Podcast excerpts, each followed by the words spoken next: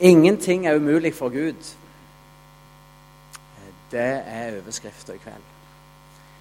Uh, og når jeg begynte å tenke på i kveld, så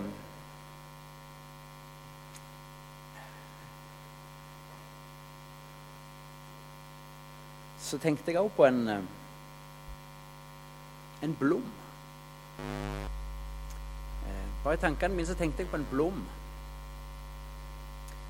eh, som sto i god jord. Som hadde ei sånn varm vårsol over seg.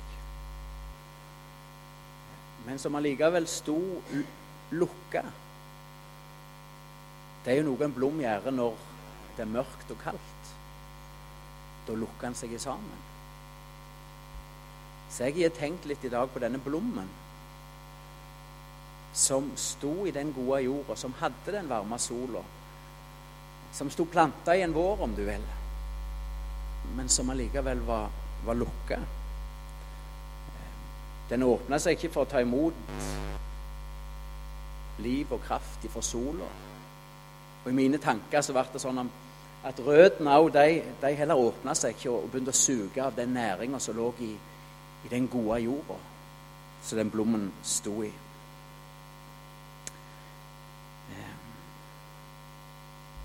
blomsten levde som om det fortsatt var vinter. Men så sto han i en vår. Så tenkte jeg videre på, på dere som jeg skulle møte i kveld. Jeg tror at noen her i kveld har det som den blommen. Du står planta i den gode jorda. Du står planta i Guds nåde. Du lever i Hans lys, i Hans ord. Men så er det likevel som om du ikke klarer å ta til deg av alt det Han er for deg, alt det Han gir deg. Det er som om den nåden du står og lever i, at den ikke får lov til å trenge inn i ditt liv. Det lyset som har frihet og legedom.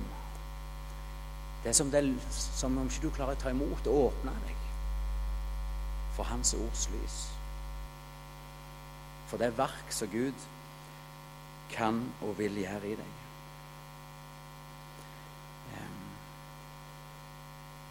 Jeg kjenner litt sånn minnelse om at jeg skal tale veldig vart til dere i kveld. For Gud ønsker å, å nå inn til deg, du som har det sånn. Du som står i Hans nåde. Du som er Hans elska barn. Du som lever under Hans lys, men allikevel så klarer du ikke ta til deg dette. Eh, og, og hvem av oss klarer vel fullt ut ta til oss hvem vi har i Jesus? For det er jo sånn at hvis vi hadde bare forstandet litt av hvem Jesus er, hva han har gjort for oss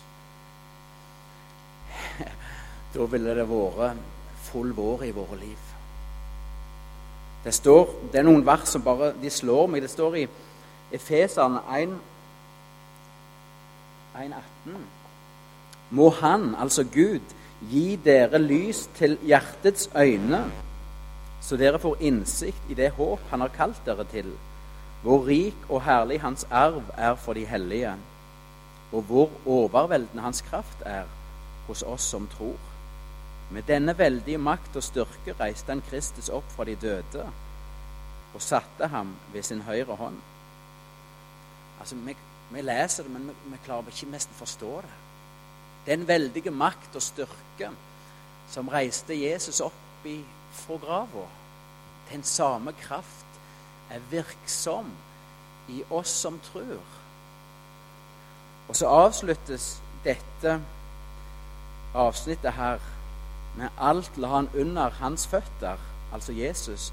Og han, hodet over alle ting, ga han til kirka, som er Kristi kropp, fullt av ham som fyller alt i alle.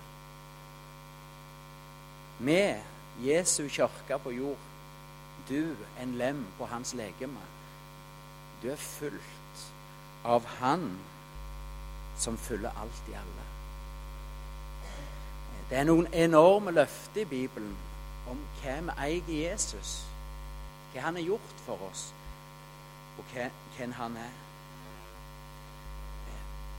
Men så tror jeg likevel at for noen av oss, og kanskje for mange av oss, så er det, så, det blitt sånn at vi klarer ikke lenger å ta imot. Vi er som denne blomsten som står i den gode jorda, som har sola over våre liv. Men vi lukter oss. Og Det kan være mange måter det har skjedd i ditt liv på. Jeg vet ikke. For noen starta det gjerne med bekymring. Til med bekymring i det kristne arbeidet sto i. Hvordan skal vi få til Eller andre bekymringer. Så bekymringen har fått sånn makt i ditt liv at du har lukka deg inn i deg sjøl. Du har lukka deg igjen for Guds løfte, for Guds ord. For den nåde som skal virke livet og gjerninga i deg og gjennom deg. For andre så ble gjerne bekymringen gikk over til mismot. Mismot i hjertet, det tærer på marg og bein, sier Bibelen. Det er sorg i hjertet. Og med mismot, lever vi lenge med mismot i kristelivet, så kommer så lett vantrua, tvilen. Og da mister vi synet for Guds løfte, for hvem vi er i Jesus. Så jeg har tenkt på denne blommen, og jeg tror at Gud har et budskap i sitt ord til deg som kan ha det litt som denne blommen. Og så har jeg også tenkt på eh, jeg har tenkt på en, en unge som ligger sjuk på senga. Det er bare mine tanker, altså, jeg deler nå. Men en unge som har problemer med å ta til seg mat, næring. Og så har jeg tenkt og sett for meg hvordan Foreldrene står rundt sykesenga, og de står ikke og kjenner på han og rister han og et nå denne skjeva, men, men, faren står der, og så lokker han, hjelper han, vil så gjerne få i han dette som han vet er til liv og kraft for han. Oppmuntre. Sånn tror jeg at Gud ønsker, han som er den fullkomne far han ønsker å få tale inn i noen sitt liv i kveld. Sånn at du kan få lov til å åpne deg for den nåde du står og lever i. At det lys som er over deg, Guds lys, at det kan få gjøre det verk som han kan og vil i deg. Den teksten vi hørte lest, de versene som kommer rett forut, de skal vi også lese. Og Det er Johannes evangeliet kapittel 20. Og nå skal jeg lese vers 19 til 24. Til 23. Det var om kvelden samme dag, den første dagen i uken. Av frykt for jødene hadde disiplene stengt dørene der de var samlet. Da kom Jesus. Han sto midt iblant dem og sa, 'Fred være med dere. Og da han hadde sagt det, viste han dem sine hender og sin side. Disiplene ble glade da de så Herren. Igjen sa Jesus til dem, Fred være med dere. Som Far har sendt meg, sender jeg dere. Så åndet han på dem og sa, Ta imot Den hellige ånd. Dersom dere tilgir noen deres synder, da er de tilgitt. Dersom dere fastholder synden for noen, er de fastholdt.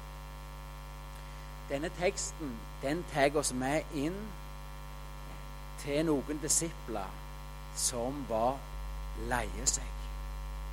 Som var redde, og som var mismodige. De var samla til et kveldsmøte, eller til et møte. Men de hadde ikke åpne dører og en plakat på gata og 'Kom inn', disippelsamling. De hadde stengt dørene, ganske sikkert låst de, for de hadde mista alt. De hadde vandra med Jesus i flere år. De hadde sett og hørt alt det Jesus gjorde. De hadde satsa livet sitt på Jesus. De visste hva det var til å leve nær til Jesus. Til å sitte rundt leirbålet, høre han tale Se hans liv. Erfare hans nærvær. De hadde levd i dette. Men så hadde de mista alt. Jesus var brutalt myrda, piska, korsfesta. Tok de vekk ifra dem. Og nå så de uten noe ting tilbake.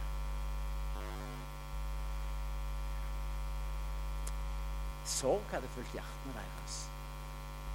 Og de huska ikke lenger på løftene. Og Jesus hadde sagt at på den tredje dagen skal jeg stå. Mens de er samla til denne sørgesamlinga, så kommer Jesus, og han går gjennom den stengte døra.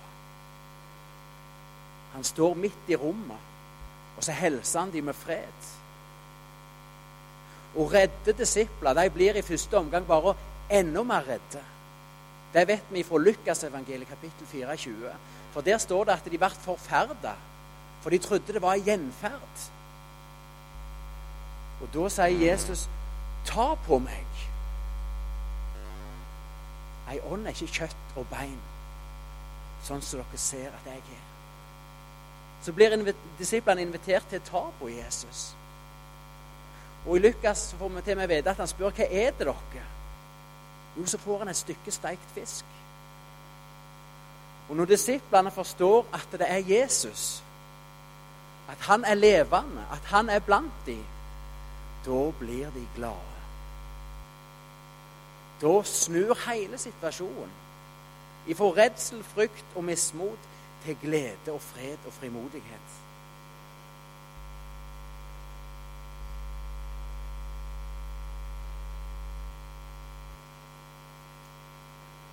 Ingenting er umulig for Gud. Ja, Gud reiste Jesus opp ifra grava den tredje dagen. Jesus, Guds sønn, gikk gjennom den stengte døra. Og et møte med Jesus som den, som den oppstandende, det forandrer redde, mismodige disipler. Og et møte med Jesus, det forandrer fortsatt disipler. Og det er det jeg håper og ber om at vi skal få i kveld, at du skal få i kveld. Et møte med Jesus som kan forandre sånn du har det. For sånn er det for oss alle. Hvis Jesus bare var Jesus i går, eller Jesus for tre dager siden, eller Jesus for tre uker siden Hvis Jesus bare er fortid og ikke nåtid i ditt og mitt liv, da blir vi redde mismodige disipler som prøver å stenge verden ute. Men Jesus sa, 'Se, jeg er med dere alle dager.' Jesus er for i dag. Og han må få lov til å være i dag i ditt og mitt liv.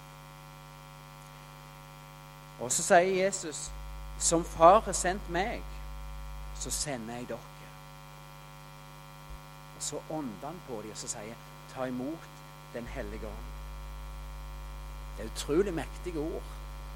Som Far har sendt meg, så sender jeg dere. Du som er en Jesu disippel, vet du hva? Du har et kall over ditt liv. Du er sendt av Jesus. Til Stavanger, til nabolaget, til skolen, til den jobben, til den familien du er av. Han har gitt deg sin fred. Du har fått del i den seier han vant på korset.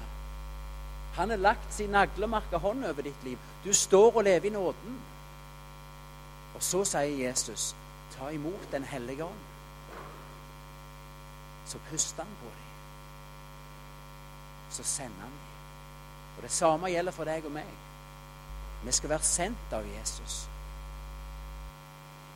Og vi skal være fullt og utrusta med Den hellige ånd.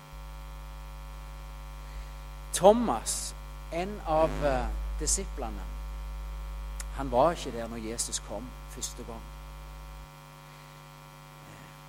Thomas, en av de tolv, han som ble kalt tvillingen, var ikke sammen med de andre disiplene da Jesus kom. Vi har sett Herren, sa de der. Jeg tror at når Thomas sto og banka på den stengte døra og ville inn, så trodde han òg han skulle inn til ei sørgesamling. Men jeg tror han følte seg mer utafor når han hadde kommet på innsida, enn det han gjorde når han sto bak den stengte døra. For inne så var det oppstandelsesfest. Thomas, vi har sett Jesus. Han var her. Han lever. Og han, han sa at vi tar på hendene mine. Kjenn på såret i sida. Han åt til mer maten vår, så han tok av fisken. Thomas, Jesus lever. Thomas reagerte sånn sikkert mange av oss andre kunne gjort. Det virker usannsynlig. Det virker, det virker for drøyt. Og Thomas sier, 'Jeg kan ikke tro dette. Jeg vil ikke tro dette.' Med mindre jeg òg får stikke fingrene mine i naglemarka hans og legge hånda i sida. Så sier vår tekst at åtte dager seinere så var disiplene igjen samla. Og igjen kom Jesus gjennom den stengte døra. Og selv om eh, Thomas ikke så Jesus den første gangen, så både så og hørte Jesus Thomas. Han hørte hans urimelige krav om å få erfare og gjøre akkurat det samme som de andre disiplene. Så Jesus vender seg til Thomas og sier, 'Kom med fingeren din. Se, her er hendene mine. Kom med hånda di og stikk den i sida mi, og vær ikke vantru, men truende.' Det skal vi bare vite. Selv om vi ikke ser Jesus med våre fysiske øyne i kveld, så er han til stede. Han hører dine ord. Han hører dine ordløse tanker. Han ser akkurat hvordan du har det i livet nå. Akkurat som han så Thomas. Thomas får sitt krav oppfylt. Kom. Kom med fingrene. Kom med hånden. Og Da ser jeg for meg at Thomas han går ned i tilbedelse og så sier han, 'Min Herre, min Gud'. Så sier Jesus, 'Fordi du har sett meg, tror du.' Salige er de som ikke ser, og likevel tror. Og Det er et spesielt ord til oss. Til oss i kveld òg. Jesus sier du er salige, du er lykkelige. Du som tror uten å ha sett med dine fysiske øyne. Du som har tatt imot budskapet hans død og oppstandelse, at han lever i dag uten å ha sett med dine fysiske øyne. For jeg tror at mange av oss kan kjenne oss igjen i Thomas. Det kan være vanskelig å tro, tro på Jesus. Og kanskje du har også hatt en sånn opplevelse av at du var ikke der når det skjedde på et, kanskje på et sterkt møte her på Salem hvor så mange fikk en fornyelse, et møte med Jesus. Eller en kveld i bibelgruppa. Eller hjemme hos noen venner over en åpen bibel. Noen fikk et sånt sterkt møte med Jesus som skapte en forandring i deres liv. Og De vitner om hva Jesus har gjort og er for dem med sin døde oppstandelse og sitt nærvær i dag. Og når de forteller om dette livet, så sier du med Thomas dette kan jeg ikke tro på. Dette klarer jeg ikke tro på. Med mindre jeg sjøl får erfare akkurat det samme. For det var det Thomas sa. Med mindre jeg òg får stikke fingrene i hånda, og hånda sier, så kan jeg ikke tro. Når kristne rundt deg vitner om Vet du hva? Her sist onsdag så kom han, naboen vår, to hus ned. Han fikk sånn syndenød at vi fikk lov til å be til frelse med Han kom til tro på Jesus. Nei, han typen der, vet du hva? Jeg tror ikke det heller. Det der, det der tror jeg ingenting på. Eller når en i bibelgruppa de sier, vet du hva? Jeg er blitt så fornya i påsken, i evangeliet, for min egen del. Jeg ser hvor sterkt jeg trenger Jesus sin nåde. Det er sånn, Jeg klarer ikke å la være å gå og nynne og synge takkesanger om Jesus som korset. Det er som om en sang lever inni meg. Umulig, sier gjerne du. Føleri. Sånn har ikke jeg det. Sånn har ikke jeg erfart. Det der tror jeg ingenting på. Eller noen andre sier til deg Her, sist tirsdag så var vi samla noen, og vi ba for ei sjuk dame. Og vet du hva? Jesus helbreder henne der og da. Helt utrolig. Jesus gjorde henne frisk. Nei, det er for drøyt. Det der, det der kan jeg ikke tro. Det der har ikke jeg erfart. Nei, nei, nei, det der klarer jeg ikke tro. Eller når andre vitner til deg, vet du hva? Bibelen, den er blitt så levende for meg. Det er sånn, Jeg kan si det og mene det at dagen er ikke den samme uten at jeg får et møte med Jesus i Bibelen.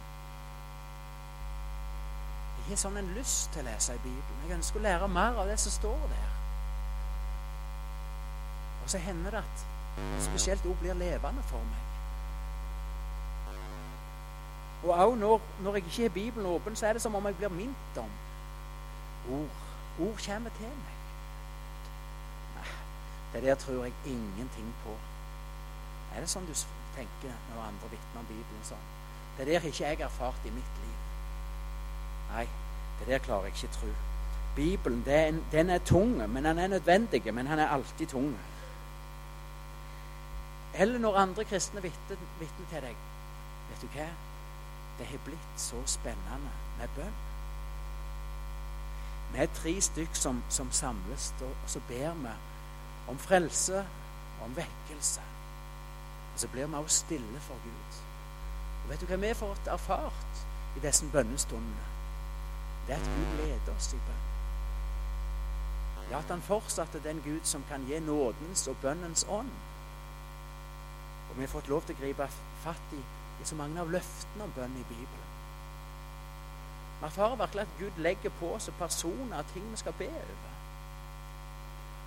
Og så har vi også fått sett at Gud svarer. At livet er blitt forandret. Mennesket er blitt frelst. Stengte dører er blitt åpna. Vet du hva? Det er så spennende å be. Nei, det der kan jeg ikke tro noe på. Sånn, sånn er det ikke i mitt liv.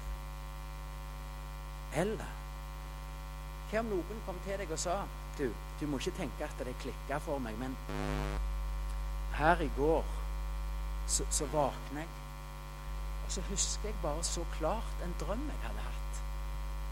Det var ikke sånn jeg tenkte at denne drømmen den, den er et budskap fra Gud, men, men han sto så klart før meg, den drømmen. Og Seinere på dagen så fikk jeg besøk av en mann som jeg hadde sett i drømmen. Og da forsto jeg både mer av drømmen, og jeg forsto Ja, jeg tenker at det var Gud som forberedte meg for dette møtet. Mens jeg sov gjennom en drøm. Drømmer, vet du hva Josef fikk det. Vismennene fikk det. Før i tida. I Bibelens dager. Men nå Gud driver ikke med sånt nå lenger. Det der tror jeg ingenting på. Hvor skal det ende hvis vi skal begynne å tro at Gud kan si noe gjennom drømmer?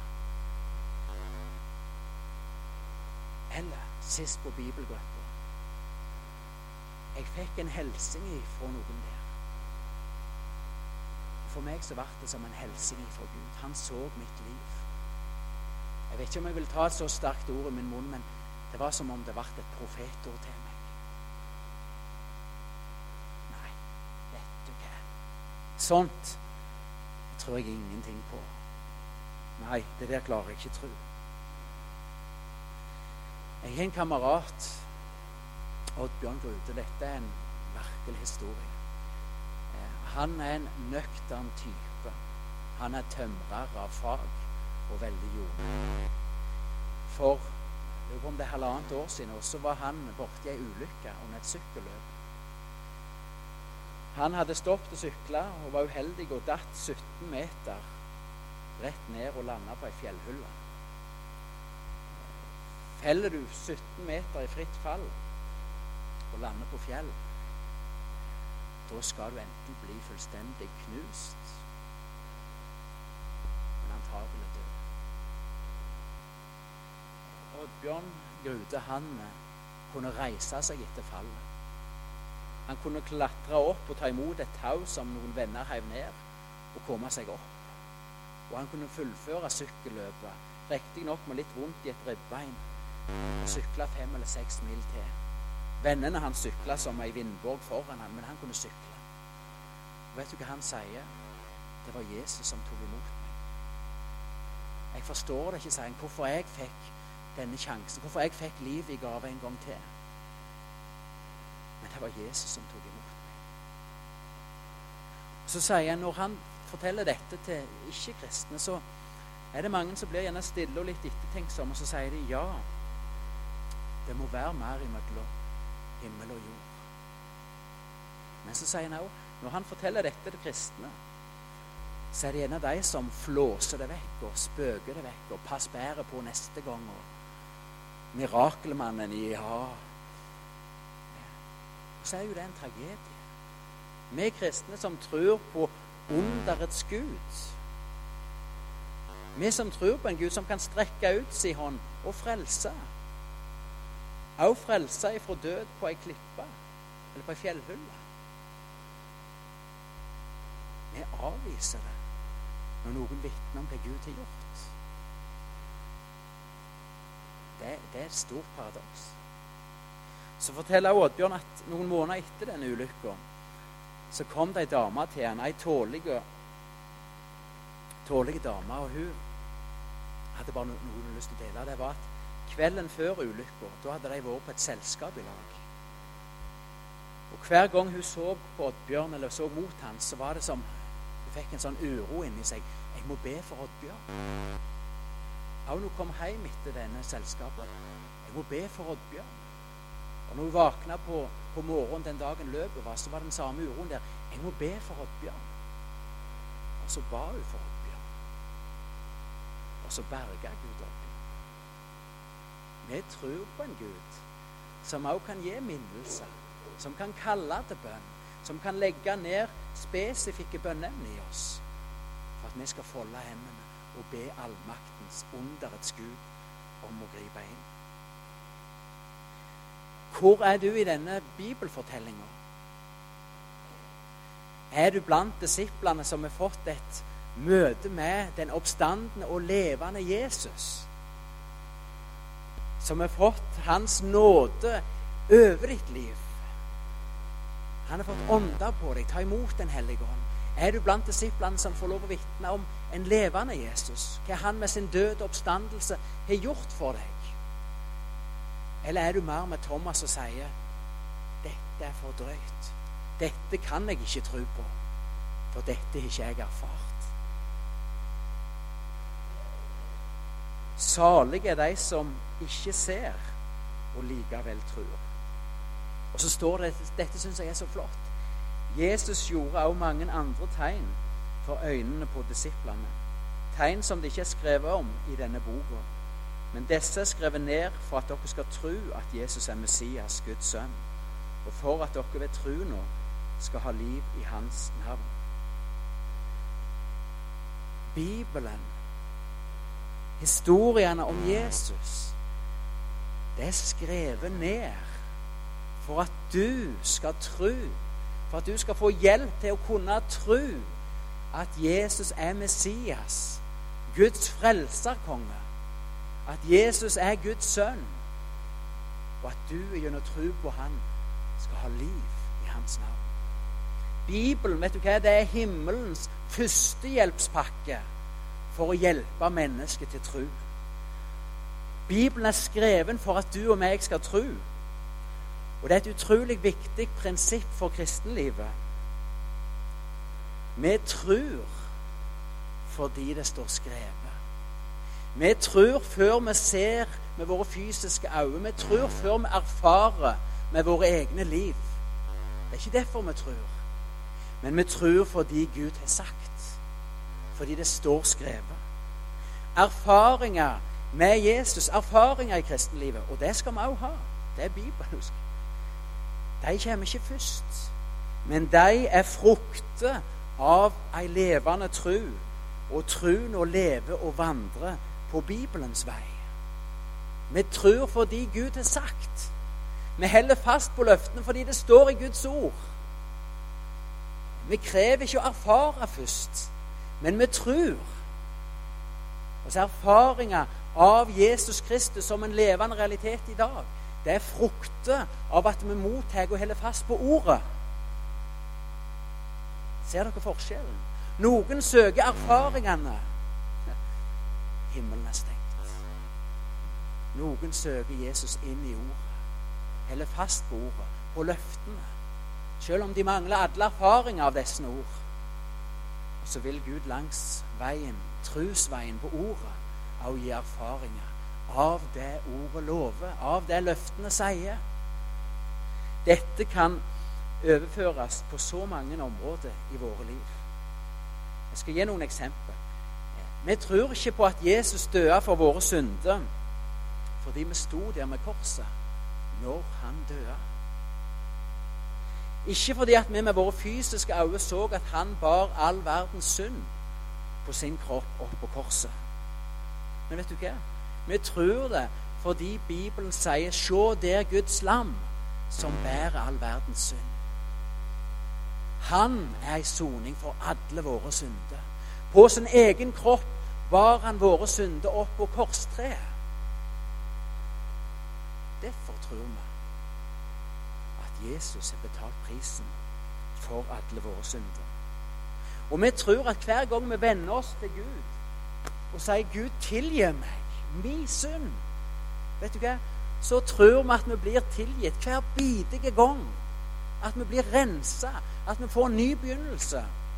Ikke fordi vi alltid føler oss så tilgitt, fordi vi ser vi blir rensa.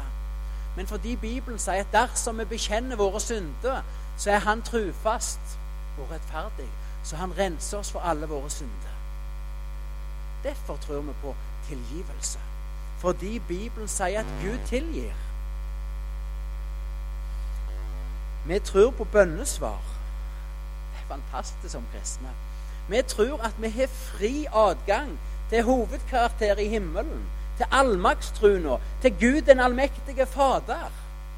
Vi tror at hver gang vi folder hendene våre og ber i Jesu navn, så tror vi at vi blir hørt.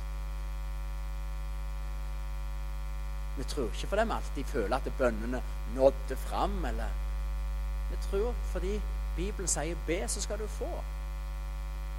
Bibelen sier òg derfor er vi frimodighet ved Jesu blod til å tre fram for allmaktstruende for å finne nåde og hjelp i rette tid. På grunn av Jesus. På grunn av Guds ord så vet vi at Gud hører. Gud svarer. Og si vi ber Disse tingene henger litt sammen. Eller si vi tror på bønn. Si vi tror at Gud hører. Si vi tror at Gud svarer fordi det står her så ber vi. Og si vi ber, så får vi. Ser dere den sammenhengen? Vi erfarer sannheten i løftene, men vi tror de før erfaringen. Vi tror de fordi Gud har sagt. Men så handler vi på ordet, og så erfarer vi sannheten i ordet. Vi tror at vi får mat hver gang vi i ydmykhet åpner Bibelen og sier 'Jesus, jeg trenger jeg trenger deg. Jeg trenger et ord ifra deg. Ikke fordi vi alltid føler oss mette, eller fordi alltid noe har vært levende for oss. Men fordi Jesus sagt at mennesket lever ikke av brød alene, men av hvert ord som kommer fra Guds munn. Derfor tror vi på at Bibelen gir åndelig mat. Vi tror på Guds ledelse. Vet du hva? Det er fantastisk. Tenk på det. Gud ser hver og en her som er hans sine barn. Og Gud ønsker å lede hver og en av oss i våre forskjellige hverdagsliv. Grunnen til at vi tror på Guds ledelse, er ikke fordi vi alltid ser veien. Slettest ikke. Vi er ofte rådville og fortvila og ikke helt sikre på hva som er Guds vilje. Det var Paulus òg. Sånn er trosveien. Den er ikke fri for anfektelse. Men vi er sikre på Guds ledelse, for Gud er lovt i sitt ord. Legg din vei i Herrens hånd. Stol på Han så griper han inn. Det er sant. Jeg vil lære deg og vise deg den vei du skal gå. Jeg lar mitt øye hvile på deg og gir deg råd. Salme 32, 8, Salme 37, 15, første eksamen. Gud har lovt han vil lede. Og det tror vi på. Og siden vi tror på det, så legger vi livet vårt fram for han. Så søker vi hans råd og ledelse. Og siden vi legger vårt liv over hans hånd, og med Guds nåde får hjelp til å stole på han, så får vi erfare at han griper inn. Han leder. Men vi ser gjerne best det når vi ser oss tilbake. Vi tror på Guds ledelse fordi Gud har lovt at 'jeg er din hyrde'. Jeg vil lære deg å vise deg.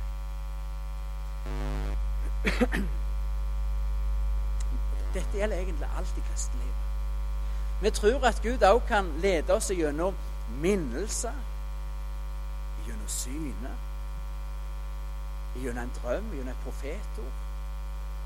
Ikke fordi vi har erfart alt dette, men fordi Bibelen taler om det. At Bibelen gir eksempel på det. At Bibelen sier i de siste dager så vil jeg utøse min ånd. De unge skal ha syne, de gamle skal drømme, eller om det var omvendt. Sønner og døtre skal tale profetord. Vi tror på dette, ikke fordi vi er så fulle av erfaringer på det, men fordi Bibelen, Gud i sitt ord, taler om det.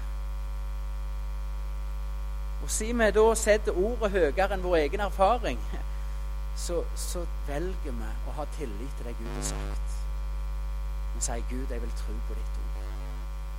Jeg vil ikke tro på mine mangler av erfaring eller andre sine erfaringer. Jeg vil tro på ditt ord. Og Så får det bli opp til Gud hvilke erfaringer vi får. Vi må gå trusveien på ordet.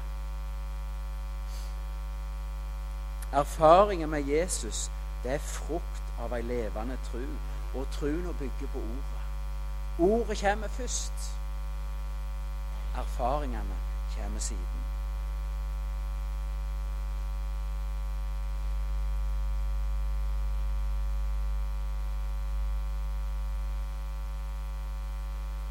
Men disse er skrevet ned for at dere skal tro at Jesus er Messias, Guds sønn og for at dere ved troen skal ha liv i Hans navn.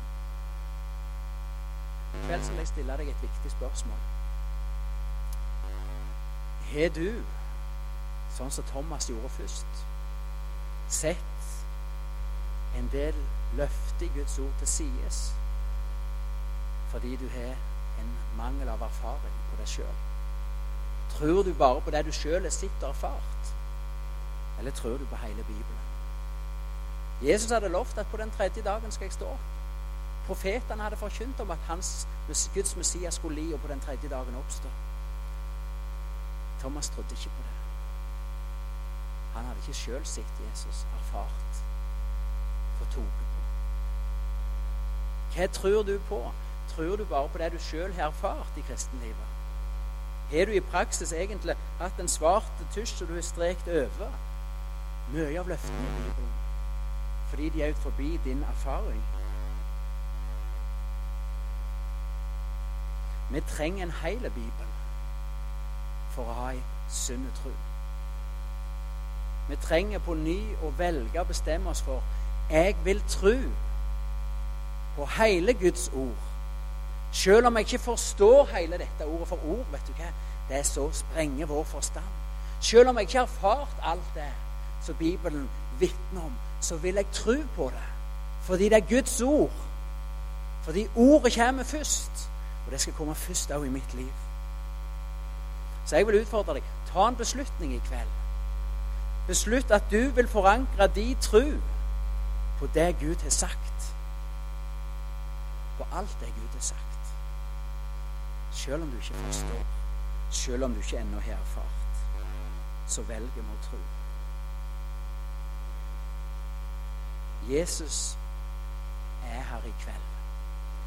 Og Jesus går fortsatt gjennom stengte dører for å banke på redde og bekymra og mismodige og tvilende disippelhjerter. Fordi han ønsker å nå inn med sitt ord, med sin fred, med sin nåde få puste på deg med si ånd. Få gi deg liv. Tru mitt ord. Vend om i kveld. Snu deg vekk ifra dine bekymringer, som gjerne har gjort deg litt blind for løftene at alt er mulig for Gud. Gi slipp på ditt mismot. Gi slipp på din tvil. Så bare si 'Jeg vil ha ditt ord', Jesus. Jeg klarer ikke tro på alt i egen kraft, men jeg vil ha hele din bibel. Jesus, jeg vil tro på deg. Jeg vil stole på ditt ord. Jesus, jeg trenger deg.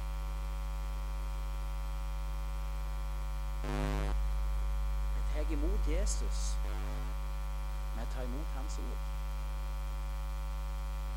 Jesus har sendt sitt ord til deg i kveld. Ordet bringer den freden ifra korset. Forsoninga, freden med Gud. Ordet bringer Hans nærvær til deg. Ordet bringer løftet om et liv i Den hellige ånd. Et liv med retning. Som, jeg, som Faderen har sendt meg, så sender jeg deg. Det har tont en sang i meg òg i dag. Og Den sangen heter 'Ingenting er umulig for Gud'. Ingenting er utrolig for Gud. Ingenting er umulig. Så fortsetter han. Vi er alle så lett for å tvile og la fornuften ta fatt. Da, da begynner det å streike kristenlivet når fornuften skal bli den høyeste domstol. Truen, truen ha en fornuft som er mer fornuftig enn fornuften, eller som for vår fornuft er ufornuftig. Ingenting er umulig for Gud. Umulig vet du hva, det er et ord som ikke passer til å beskrive det Gud kan gjøre for oss. Han kjenner ikke til det ordet som en begrensning på seg sjøl. Så er det en utfordring for oss, for vi kjenner på så mange ting som er umulige for oss. Men så er det det at vi må velge å lufte blikket vekk fra seg sjøl, våre begrensninger, og så få se på Gud og hans muligheter.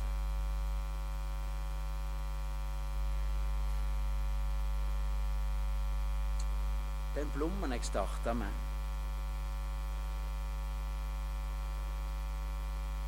Du som gjerne har lukt, lukt litt igjen. Du som ikke lenger klarer tro at du står og lever i Guds nåde. At Guds lys er over ditt liv. At Gud er i ditt liv. For det er en loft. Jeg er med deg alle dager. Men vet du hva, det er bare troende som ser dette. Vi trenger også tro for å motta nåde hver dag.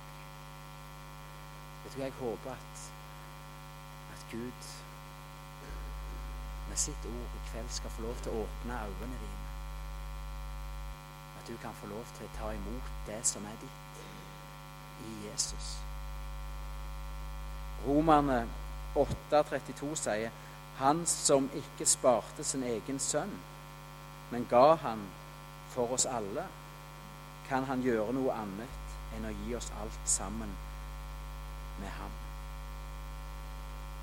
Disiplene som vi møtte i teksten, de stengte døra. De var redde for verden.